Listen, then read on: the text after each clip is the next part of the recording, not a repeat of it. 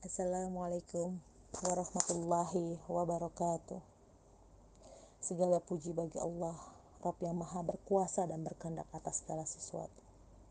Salawat dan salam semoga senantiasa tercurah kepada Nabi Muhammad SAW beserta keluarganya, sahabatnya dan pengikutnya setia hingga yaumil akhir.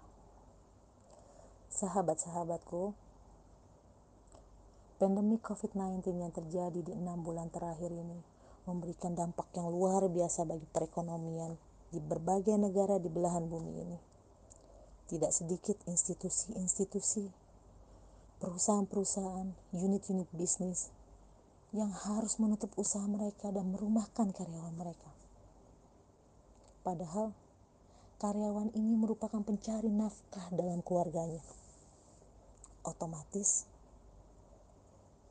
perekonomian keluarga tersebut ikut terdampak dari pandemi COVID-19 ini. Kehidupan harus terus berlangsung. Kita harus memiliki langkah-langkah jitu untuk menghadapinya. Sahabat-sahabatku, ada beberapa langkah yang dapat saya sarankan untuk memperkuat sistem keuangan dalam rumah tangga kita. Baik secara langsung maupun tidak langsung, keluarga-keluarga ini dapat melalui, dapat memiliki ide-ide kreatif. Adapun langkah-langkah itu adalah pertama,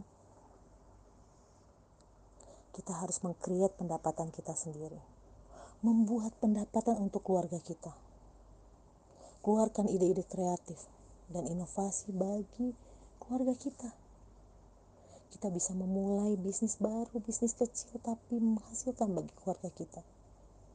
Kita bisa melakukan inovasi di bidang masakan, membuat masker kreatif, dan ide-ide yang lain. Yang pasti hal itu ditujukan untuk menambah pendapatan bagi keluarga kita. Yang kedua, kita harus mampu dan berani memangkas kebutuhan-kebutuhan biaya-biaya hidup yang tidak penting lagi dalam kehidupan kita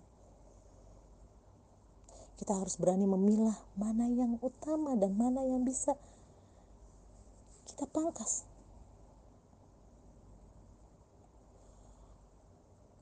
Biaya-biaya yang harus tetap kita bayarkan harus menjadi nomor satu seperti biaya makan, biaya listrik, biaya air, biaya pendidikan, dan kita harus mampu. Harus mau meniadakan biaya-biaya yang memang sudah tidak bermanfaat untuk sementara ini. Yang ketiga apabila kita memiliki pembiayaan di bank terkait dengan pembiayaan rumah maupun kendaraan pemerintah Indonesia sudah memberikan fasilitas bagi masyarakatnya melalui peraturan Otoritas Jasa Keuangan nomor 11 untuk dapat merestrukturisasi, memberikan keringanan bagi pembiayaan masyarakatnya. Bank maupun lembaga keuangan diarahkan pemerintah untuk memberikan fasilitas ini.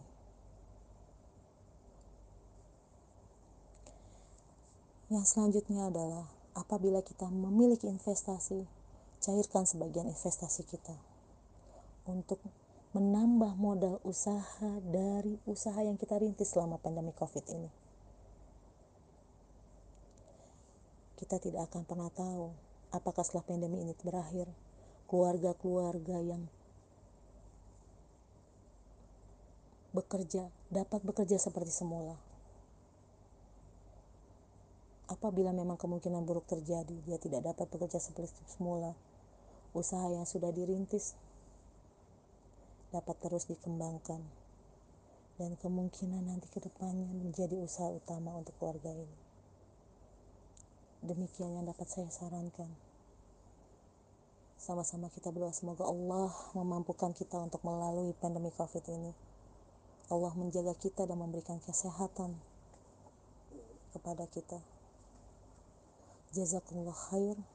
Sekian dari saya. Assalamualaikum warahmatullahi wabarakatuh.